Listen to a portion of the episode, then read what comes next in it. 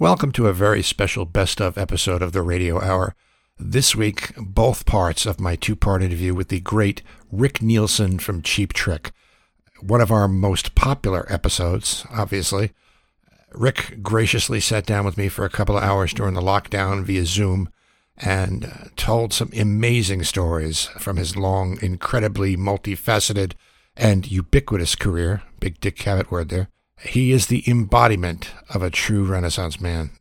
Guitar legend, songwriter, drummer, inventor, designer, collector, film and television actor, restaurateur. He's building a hard rock hotel and casino in his hometown of Rockford, Illinois. He's just released an artisanal vodka, Rockin' Vodka, which is winning awards left and right at international spirits competitions. And he's currently on tour, co headlining with Rod Stewart in the US and Canada with his band, the one and only Accept No Substitutes Cheap Trick, with whom in mid September embark on an international tour here in the US, the UK, and Japan, and then back here in North America with Rod Stewart in the summer of 2023.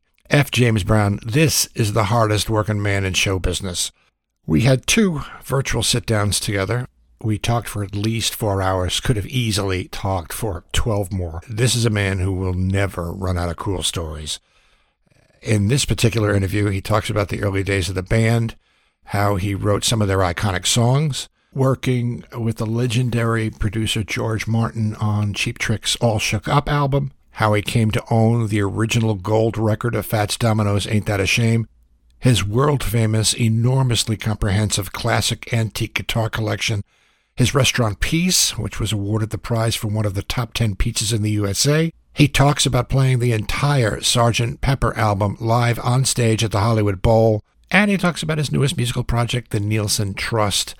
Apologies ahead of time for my fawning like a fanboy, but even though I'm blessed to be his friend, I still can't get over how cool it is to know him. He remains one of my most favorite people in the whole wide world. You can find the video version of this interview on YouTube on the Rob Bartlett Radio Comedy Hour channel. Uh, you can see some clips and pictures, uh, some of which are from Rick's personal collection. It's a really fascinating interview, just from a rock and roll history point of view, if nothing else. So enjoy my conversation with guitar hero and inductee in the Rock and Roll Hall of Fame, my dear friend, Rick Nielsen.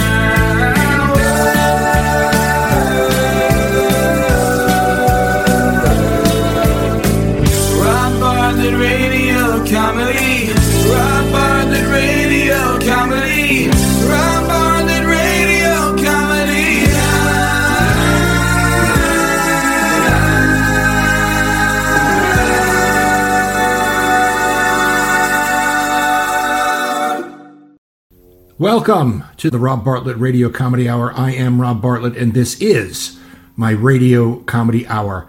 We've had some great guests in the past, but tonight is a very, very special night because tonight we are devoting the entire program to my interview with my favorite guitar player in the whole wide world and one of my dearest friends, frontman for Cheap Trick, guitar hero, Mr. Rick Nielsen. You know, they say you should never meet your heroes, but I unbelievably got to meet one of mine almost 15 years ago. I went to see Cheap Trick at the Borgata. Took my son Devin. Whenever I go to a Cheap Trick concert, I choose one or two of my my offspring to accompany me because you got to raise the kids on the classics, obviously. Great show, and about to do their encore, and Rick spots me in the audience and introduces me. which blew my mind. I had no idea he knew who I was. Apparently, he and the guys in the band used to watch Imus in the morning on MSNBC. So after they do surrender, he waves to me to come up on stage. So I go backstage and, and they're waiting for me there and all kinds of hellos. And they go back out to do the encore. He introduces me and I walk out and I say something along the lines of how it was a, a crime and they weren't in the Rock and Roll Hall of Fame. And uh, he puts his gold Les Paul around my neck and they launch into Dream Police. I don't play guitar. I'm a drummer. I air guitared Dream Police more times than I can count. I mean, in my room, the same way I used to air guitar the Beatles when I was a kid. And they got to the middle part of the song where there's that little rap. I try to sleep, they're wide awake, they won't let me alone, they don't get paid to take vacations, they'll let me alone. And so Rick kind of does one of these, take it away. And so I did it, note for note, because of course I do the song. The band went crazy. They were all laughing. And ever since then, we've been friends. I actually got to recreate that moment that same year with the band when they were on the I Imus in the Morning program. I got to do Dream Police, uh, recreate that moment as my Bill Clinton character. And I'm going to tack that on to the end of this interview because it's still one of the favorite things I've ever done on the show. You know, life always seems much better when you're on the way to see Cheap Trick in concert because they just put on the greatest show. Uh, I've never once seen them go through the motions. Every time it's like the first time. They always give you the sense that when they're on stage, they're having the time of their life and they're exactly where they, they want to be rather there than anywhere else in the world. Uh, I've seen them a lot. I mean, not as many times as, you know, Adam Balaban or Xander Gal Ali, but uh, whenever I've gone to see him and go backstage to visit, the whole band are just the most warm and inviting and welcoming guys, just great people. And so I'm going to kind of share with you what it's kind of like to hang out with Rick. He does have some great stories. You're going to hear about how he's played on stage with everybody from Slash to Billy Corgan to Les Paul to uh, John Lennon. Rick was actually on one of the recording sessions for the Double Fantasy album. So, without any further ado, here is Rock and Roll Hall of Fame member, uh, inventor of the five neck guitar, inventor of the album show, and the man who has provided the world with the number 10 best pizza in the United States. Please welcome Mr. Richard Allen Nielsen, Rick Nielsen. Hey, Cheap Trick. I can't believe it. I'm hanging out with you again. Oh, I thought you were trying to upgrade your uh, your circle of friends here. That's a slow day, you know. so I, I guess that to start off, we should talk about what you've been doing in this in this crazy quarantine. Like, have you been able to use any of this time to write or record or? Yeah, I've been writing a little bit, but this is it's not exactly an inspiring time. yeah, um, for sure. But I haven't. You know, so I've done a few things. Uh, as she played one show did uh, with TNT, the Nielsen Trust, uh-huh. and uh, that was fun. And actually, I've got another Zoom interview coming up right after this. And okay. I went to the dentist today. How about that? Well, you're keeping busy. yeah. and tempting fate, it sounds like. Tell everybody about the, the, the Nielsen Trust. This is like a really cool idea. Uh, well, uh, I didn't even know what month it is. I think it was in March. Robin Zander, the, one of the world's greatest singers, was uh, going to be doing some shows with Alice Cooper in Europe. I think they had an orchestra or something. I'm, I'm not exactly sure what it was, uh-huh. but he was going to be, be gone for a month. So Cheap Trick never has any time off, and it was an opportunity to go out and play. You know, when have Rick Nielsen, Dax Nielsen, Miles Nielsen, Kelly Stewart, who was Miles's wife. We're all kind of you know, out of work musicians. And so uh, we got together and uh, we rehearsed a number of times, had it set up. We had about 17 shows, and most of them were doing really well. Some of them were sold out. And we did two shows up in um, Wisconsin Dells, a place called Monks. Sold out crowds, you know, two and a half hour show each night. Wow. And then, bada boom, the COVID came in stole our love away. so then, okay, now what do we do? There's nothing you can do. And it was like a ghost town, not the song. Nobody was out, nobody's doing anything. A couple months later, everybody's running around like crazy people. It's like I self quarantined myself. Uh, my wife Karen was out in in Arizona for the family vacation, which turned into six months for her being out there. Oh, oh God! So it was perfect. So, what kind of stuff does the Nielsen Trust do? The whole long show, it included songs that Miles and Kelly wrote. They did with their band, Miles Nielsen and the, the Rusted Hearts. And then, and then they got the real Rust, and they got me in the band. And it's like some of the songs, some of the deep cuts, that uh, songs that I wrote mainly uh, for Cheap Trick. Like which ones? Well, the world's greatest lover. We don't do that with Cheap Trick too often. I think we did surrender. Or no, actually, when we did surrender, it was uh, Miles and Kelly Miles did it acoustically.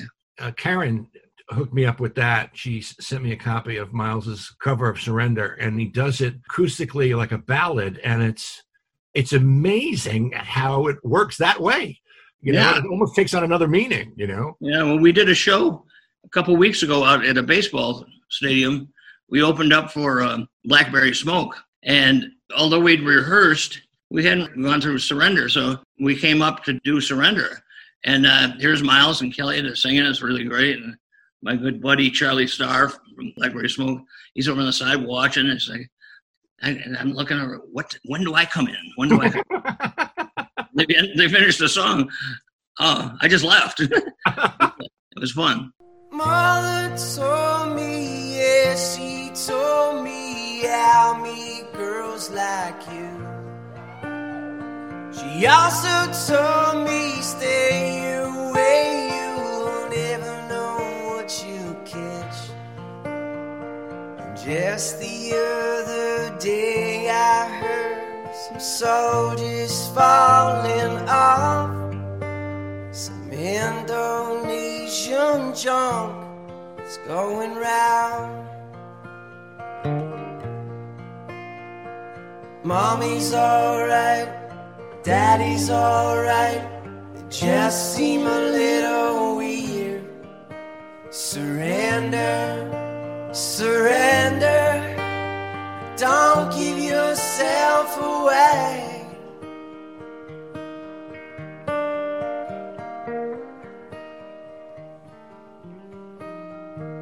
Father says your mother's right, she's really up on things. Before we married, mommy served in the WACs in the Philippines. And then I heard the WACs recruited all maids for the war. But mommy isn't one of those. I've known her all these years. Mommy's alright. Daddy's alright, it just seem a little weird. Surrender, surrender, don't give yourself away.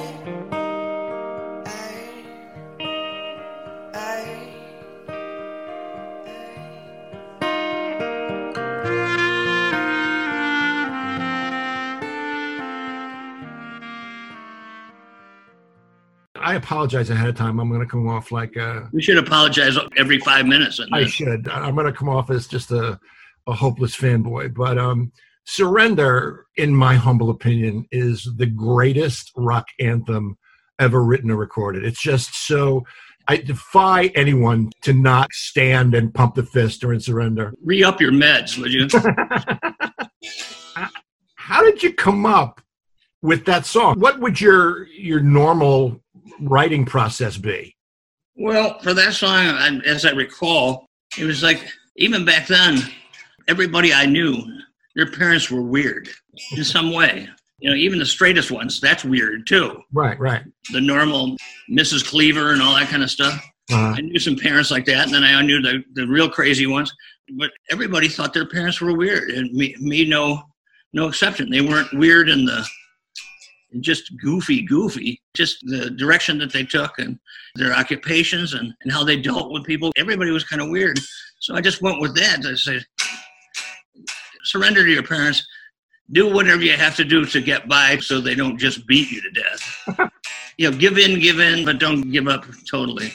That's kind of how it, it gelled. And then I, and then as I started, mother told me, yes, she told me, I mean, you know, so, oh, well, that's, that's a rock ballad there, or a rock song right there. Mother says your mother's right. She's really up on things. Yeah, oh, she's real hip. Uh huh. and then, then, then I have to do my own answers back and forth. It, Right. it, it wasn't any great brainstorm, but I wish I were that stupid more often. Well, you never know when inspiration's going to strike, I guess, but that one is just particularly inspired. I mean, there's those chords. I mean, those three chords have been ripped off by uh, countless people. I'm though.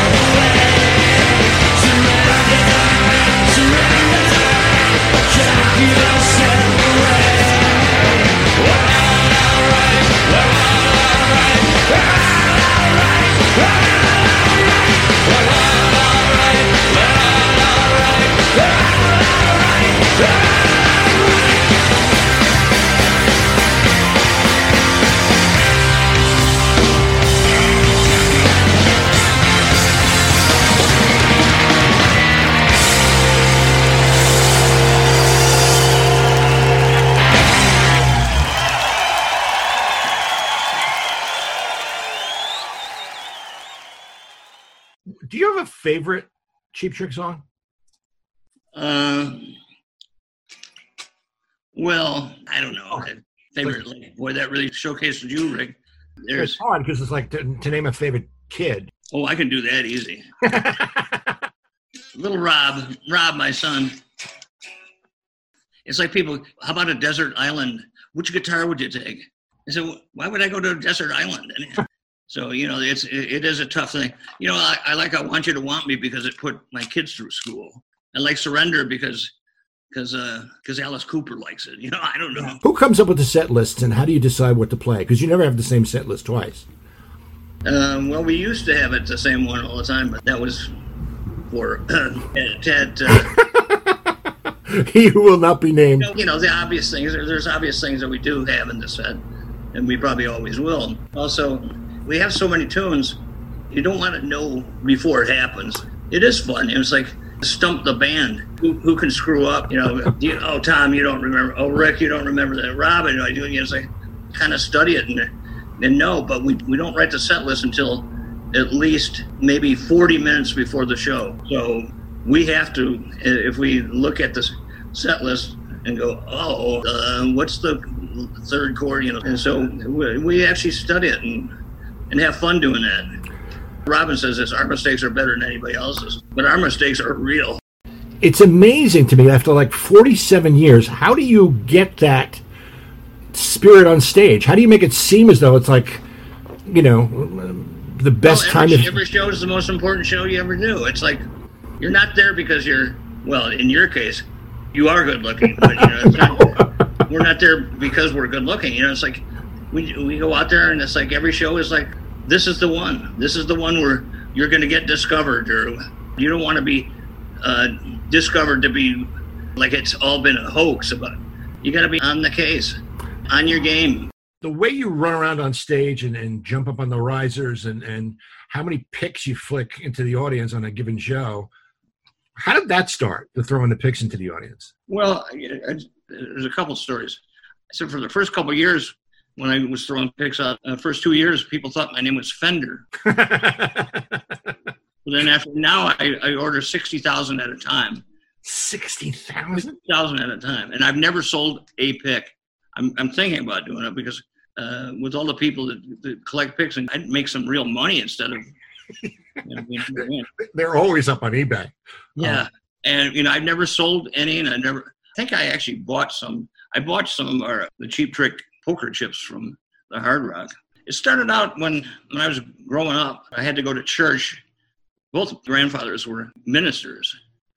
One had his own church or parish or whatever it is, and my parents would make me go to church every Sunday. Mm-hmm. So there was one guy that was at church that uh, he was a toy salesman, and if I made it through the thing after church, he opened his trunk and he had toys in there. It's like like going to the dentist, you know, instead of that. I thought that was so great. When people get something, I think it's cool. I played it up, of course, to be ordering 60,000 and they're not cheap. It just appealed to me that instead of a business card, you know, I actually have some business cards from Piece. I handed to people. I said, "There's no number for you to call me." So I name on it, but but I just always like to think the gesture of getting something.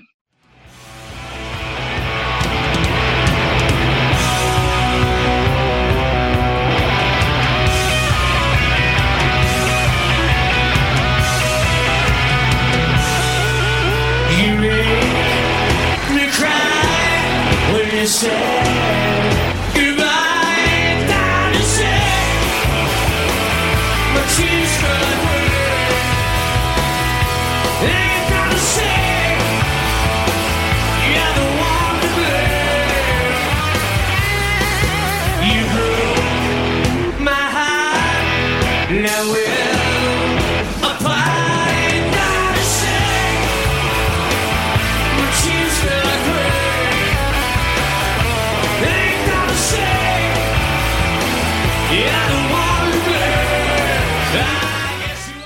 we played in Salt Lake City. Fats's Fats Domino manager came to our show. Back then, when they got a gold record, it was one of the artists and one for the producer. And so they only had the two, obviously.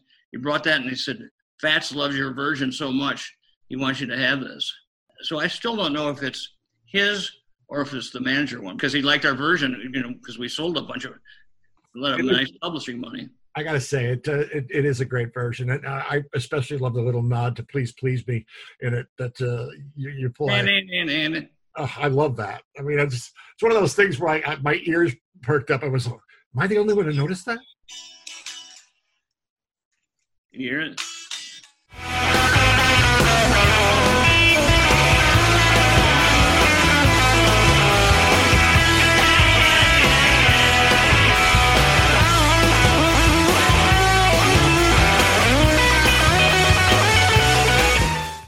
But I one of the trees I had out here, it was a cherry tree that died when we built the house. Oh. It was about a hundred foot tall, so it, I had it uh, cut and kiln dried and sawed, and then I set, left it in a in a barn for about almost eight or ten years, and then I sent it to Fender, and they made me a cherry deluxe amp. Every knob it says volume, no treble, no you know, all volume. There's you know eight 15 of those across the front. And I got a Fender Esquire made out of it. And on the 12th fret, I had him do G. Washington. yeah. See, that's that was, and and then the rest of it I took and I built a, a bar uh, and and booths and stuff in my basement.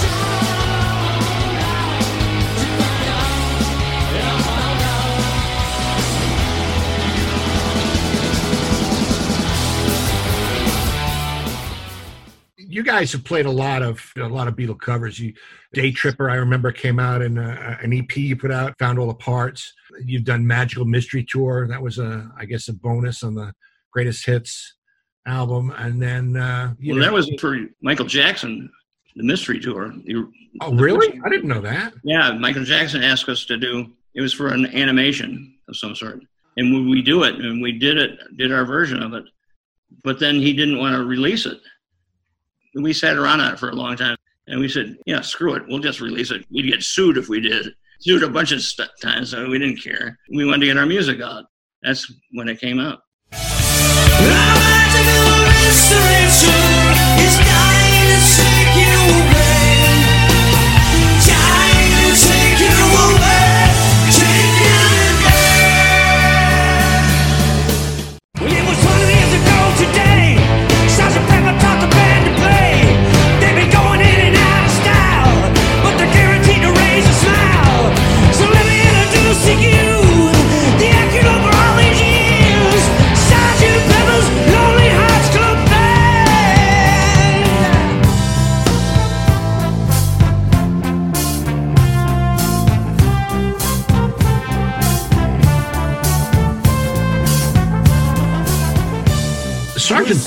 Project always interested me because Geoff Emerick, who is the engineer um, for uh, for the Beatles uh, at Abbey Road, he always claimed that that was an album that you could never do live.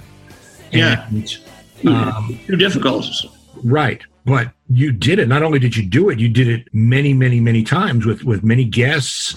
When I saw you do it in Florida, Donovan was on the bill. Before that, we had um, uh, the people from the Hollywood Bowl Philharmonic had come to see us. I think we were playing at the at the Wiltern in L.A. and they said that the 40th anniversary of Sergeant Pepper's was coming coming up, and they were looking for a band that could play that stuff. And it's you know, they knew about working with John Lennon. They knew about the tracks that we had done, you know, Day Tripper and whatever. And um, he came to see us and said, you know, they said, wow, you guys can do it, you know, you know, because we'd, we'd always done covers, you know, once in a while. And, uh, and I said, look, you know, all of us know the music from listening to it. We never played any of it. But Robin has the kind of voice where he could do it. He's got the range. He's talented enough to do it. But we then we had to rehearse. And each guy rehearsed on their own before we even got together. So you know, Tom learned all the bass parts you know, because we were going to have to be playing with an orchestra. So we had to you know kind of organize.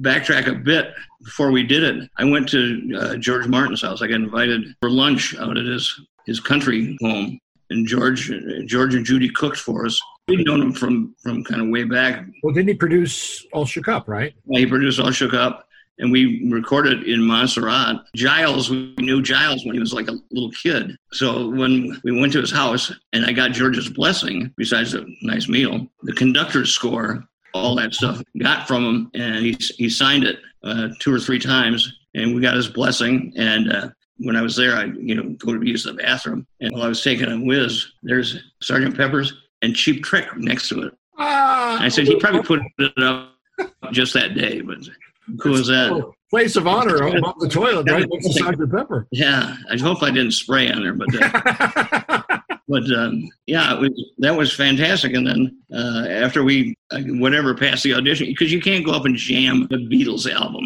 No. and the first two shows at the Hollywood Bowl, sixteen or eighteen thousand each night, and uh, we didn't want people booing at us. At least the other guys thought that. I mean, I was I thought that would have been kind of interesting it was note for note perfect. I mean, it just it was amazing to me that there there is a mashup of that because we did uh, the end or Golden Slumber. There's a mashup of Paul McCartney doing it and, and us, and it was George Martin conducting it, and they go back and forth. I'm pretty proud they used me quite a bit. Phil Collins is playing drums and bunnies on there, and um, and when Robin's voice, I mean, he he's battling with Paul McCartney the whole time. It's like they were both they both did great.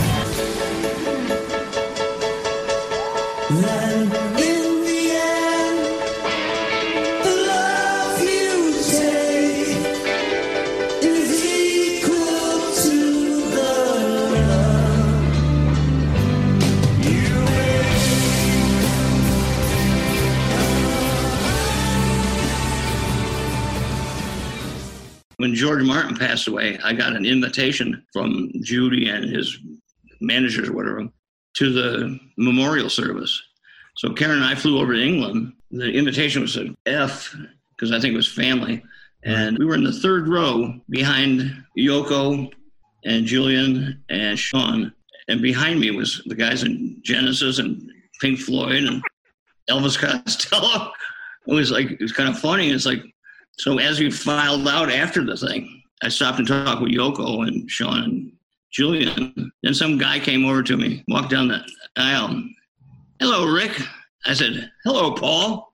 Pretty cool. You know, the guitar that he, the left-handed Les Paul that he plays was mine at one point and sold that to him. Uh, I don't know what year it was, but uh, he still owes me money for that thing. well, he's having a hard time, Rick. He's got yeah, I know. He's trying to make ends meet. He's scrimping and saving. He's a he's a senior citizen. So so then then Judy, George's wife, came up to me because because before this, a couple years before, George was going around the United States, uh, the making of Sergeant Pepper's, you know, giving a speech, and he's about as he was more deaf than I am. We were in Chicago, and uh, and they asked me to be his interpreter. When you know, it's like, well, George, it's this. So I, I got to do that too with George. Cool. I forgot to ask him any questions. What's the heck? Uh, every time I go to a show, see backstage, whatever. Whenever I leave, I always think, "Damn, I wanted to ask him that question." I'd always forget yeah. it. Where'd you get those shoes?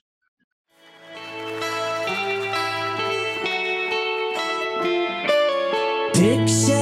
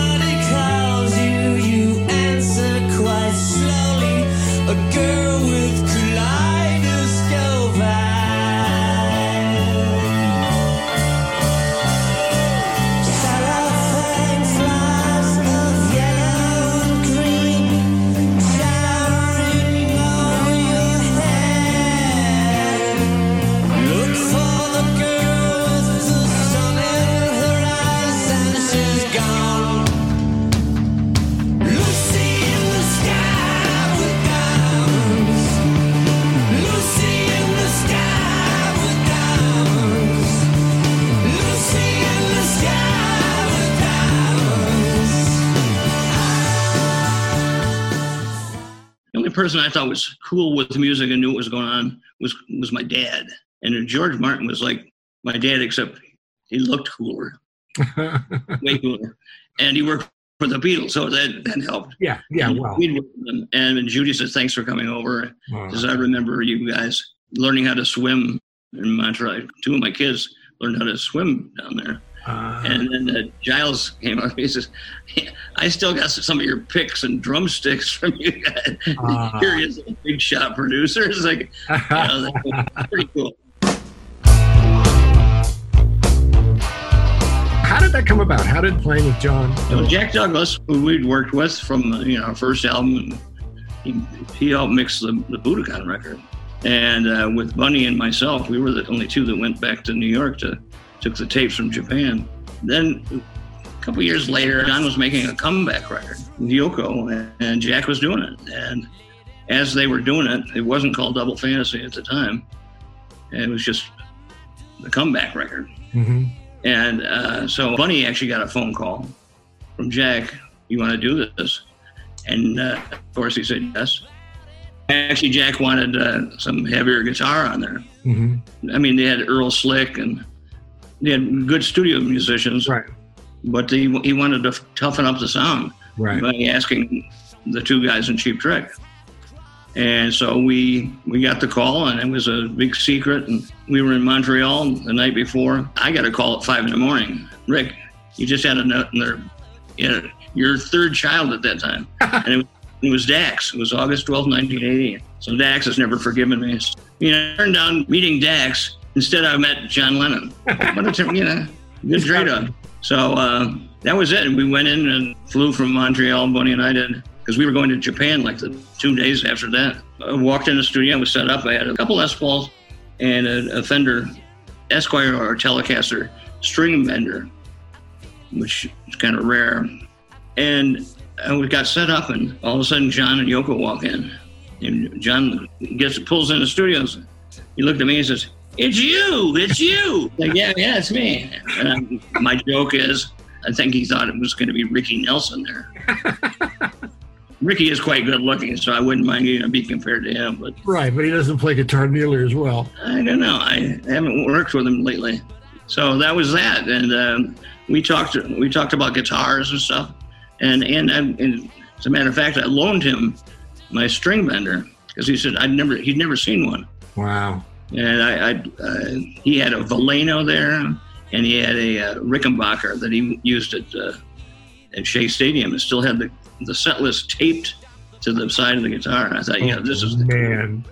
yeah, you know, you know, me being a guitar geek, it uh, was like pretty cool. But I talked to him about going guitar shopping. John, you know, you shouldn't be playing that Veleno. Marc Bolan, yeah, maybe. You, know. And, you know, he's kind of agreed or whatever, probably just to shut me up. You know, most people would go to whatever you say, John, whatever. oh, yes, oh, that's how you deal with people. that's important. But I didn't because I could have been fired. But he liked the guitar that I had, and I gave it to him. I said, "Look, we're going to Japan. I, I can pick it up later, whatever. Enjoy it, have fun with it." And uh, then I also had a guitar made for him that I came and presented to him Uh, when I went back to the sessions.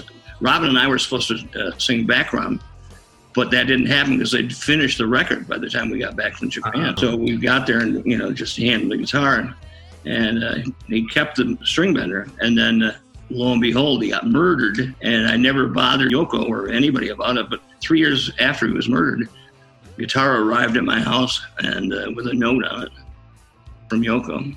John would like you to have this. I don't think she knew that I just loaned it to him. hey, Yoko, uh, you know, I don't know, probably nothing going on in your life. Uh, where's my guitar? You know, I didn't do that. I still have the string, so I have John's DNA if I ever.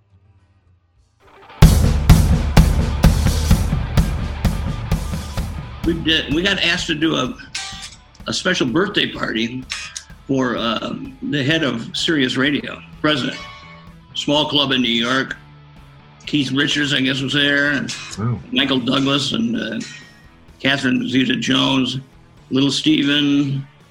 It was all kind of the, the people that uh, that I kind of look up to. Here we were, we're playing on a little tiny stage, and we did Rebel Rebel. He picked a set of stuff he wanted us to play. After that, they asked if we would uh, record it for Sirius Radio. Oh, okay. So we went and do it, and Jack Douglas got. We, we actually did it in L.A. And we recorded it at uh, Johnny Depp's studio. Oh. We also did something else there. And this was before the quarantine, right? I mean, this is before. Oh yeah, way before.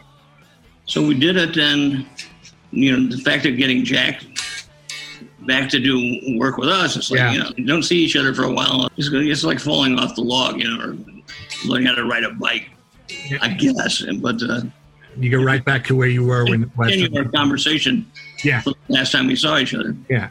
and it was fantastic. It's like we just did our own version. We you know we just play it kind of the sloppy way that Cheap Trick does, and it's like we're big fans of David Bowie. We met David, and, and then it came out, and now you're talking about it.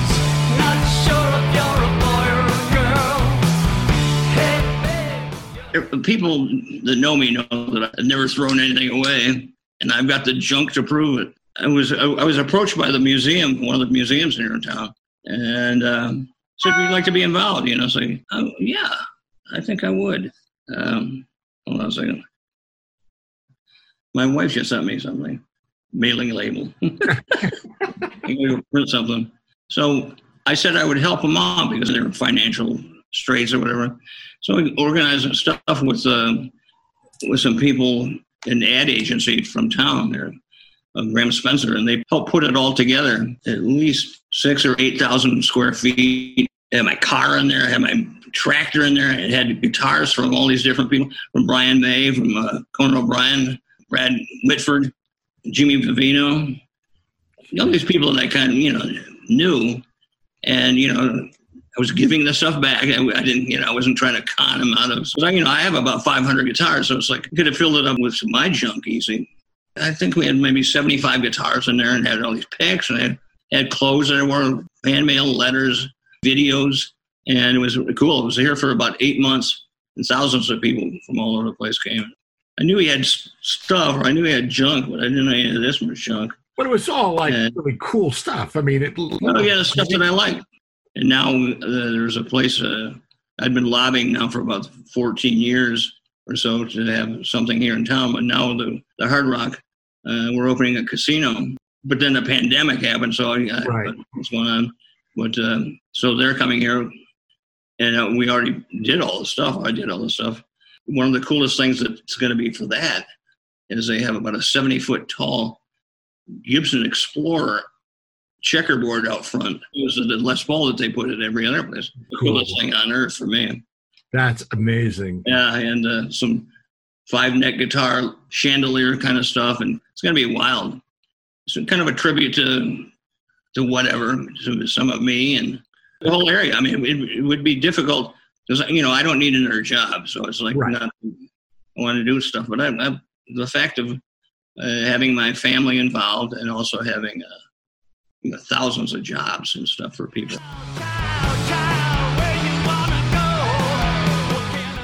I'll just mention this before we leave because you, you were in the shirt. You have one of the top 10 best pizzas in America at your joint in Chicago, aptly named Piece, which is the coolest, cleverest name for a pizzeria and logo that I've ever seen in my life. You're a true renaissance man. I mean, you do everything. I'm going to have you mention that again. What about Piece? Piece has one of the top 10 pizzas in America Thirty-nine thousand. out of 39,000. 10, number 10. I, I would go to Chicago just for that. And it's not even a Chicago pie. It's like regular New York style pizza. Well, Piece is like thin crust pizza in a thick crust town.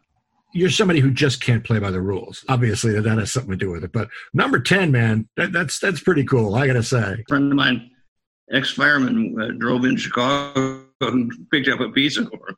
Hey, thanks so much, Rick, for doing this. I really Right. appreciate it, even though it took uh, a couple stabs for us to finish. It's it. taken three hours to do 30 minutes. I hate when technology doesn't work, and I kind of like when it does. For those of you who haven't yet checked it out, ricknielsen.com uh, is a great website. Some great stories, great videos. Uh, you can ask Rick a Okay, one more thing I'm going to ask you to the logo for Piece. The single greatest logo for any restaurant ever is the logo for Piece. Clever, smart, and really funny. It's a pizza with a slice missing, and it's also a peace sign. It's genius. It's genius. But what would you expect coming from Rick Nielsen? All right, thanks. I'm going to send that to him. Please do. Thanks so much, you. man. I really appreciate it. And uh, I'll, I'll talk to you soon. Give my love to everybody. Okay, bye bye. Bye bye. Woo! And go away. One of my favorite people in the whole wide world and couldn't be a kinder more down to earth guy. Stupid talented and yet still a true family man. Married for 50 years four grown kids a whole bunch of grandkids. Just a great great man. I'm very blessed to be able to call him a friend. If you've never seen cheap trick live i urge you to do so. You won't be the same afterwards. Warning it won't be the last time you see them. They're so good on stage. It's it's like crack if you'd like to see a somewhat unedited video version of the entire conversation, which includes a plethora, uh, it's a big Dick Cavett word, a plethora of amazing stills and video clips, some of them uh, actually from Rick's personal collection. Uh, you can find that on the Rob Bartlett Radio Comedy Hour YouTube channel. It's a much more in depth version of our interview, an entirely different experience. Check out our Twitter feed at The Robio our Instagram, Robio007. Drop us a line at Robio Radio Comedy Hour at gmail.com. Love to hear from you. Thanks to Rick Nielsen for the pleasure of his company and some of the greatest music of the past 40 some odd years, and for keeping the dials at 11 and the energy level on max. To Karen Nielsen for sparing her hubby for a couple hours when he was supposed to be mailing stuff. And very special thanks to the amazing Carla Dragati, Cheap Tricks tour and road manager, and keeper of the keys for all her help in arranging the details for the interview. And of course, Robin Zander, Tom Petersson, Bunny Carlos, and Dax Nielsen for some of the greatest shows. Dax Nielsen, eh, an amazing drummer, Uh, they should nickname him Lint because he's he's always in the pocket. Stick around for some bonus content after the credits. Believe me, it's worth the wait. Our program produced by Gary Grant and me, Rob Bartlett, written by me, Rob Bartlett. The Rob Bartlett Radio Comedy Hour theme song, music and lyrics by Gary Grant, recorded and performed by Steve Mecca. All stunts performed by me, Rob Bartlett. Mr. Bartlett's wardrobe provided by Botany 500. Our show was taped in Cleveland, except for the parts not taped in Cleveland, and was performed live in front of a non existent studio audience. All characters portrayed, including that of Rob Bartlett, are fictitious. No identification with or similarity to actual persons living or dead, including Mr. Bartlett, is intended. No animals were harmed in the recording of this podcast. We'll see you again on the next Rob Bartlett Radio Comedy Hour. Until then, boys and girls, be safe, stay healthy, wear your mask, and be good to each other. Won't ya? Thank you very much. We're Cheap Trick. Good night.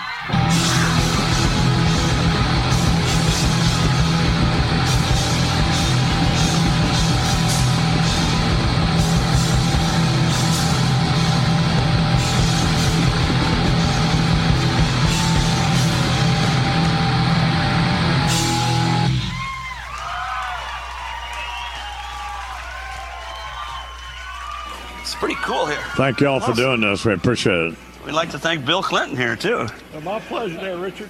Are you gonna you're gonna do the middle No, for we're us, just we're correct? just here to cheer you up, Bill. This is this is no Chris Wallace bull crap. This is the real thing. Dream Police Cheap Trick.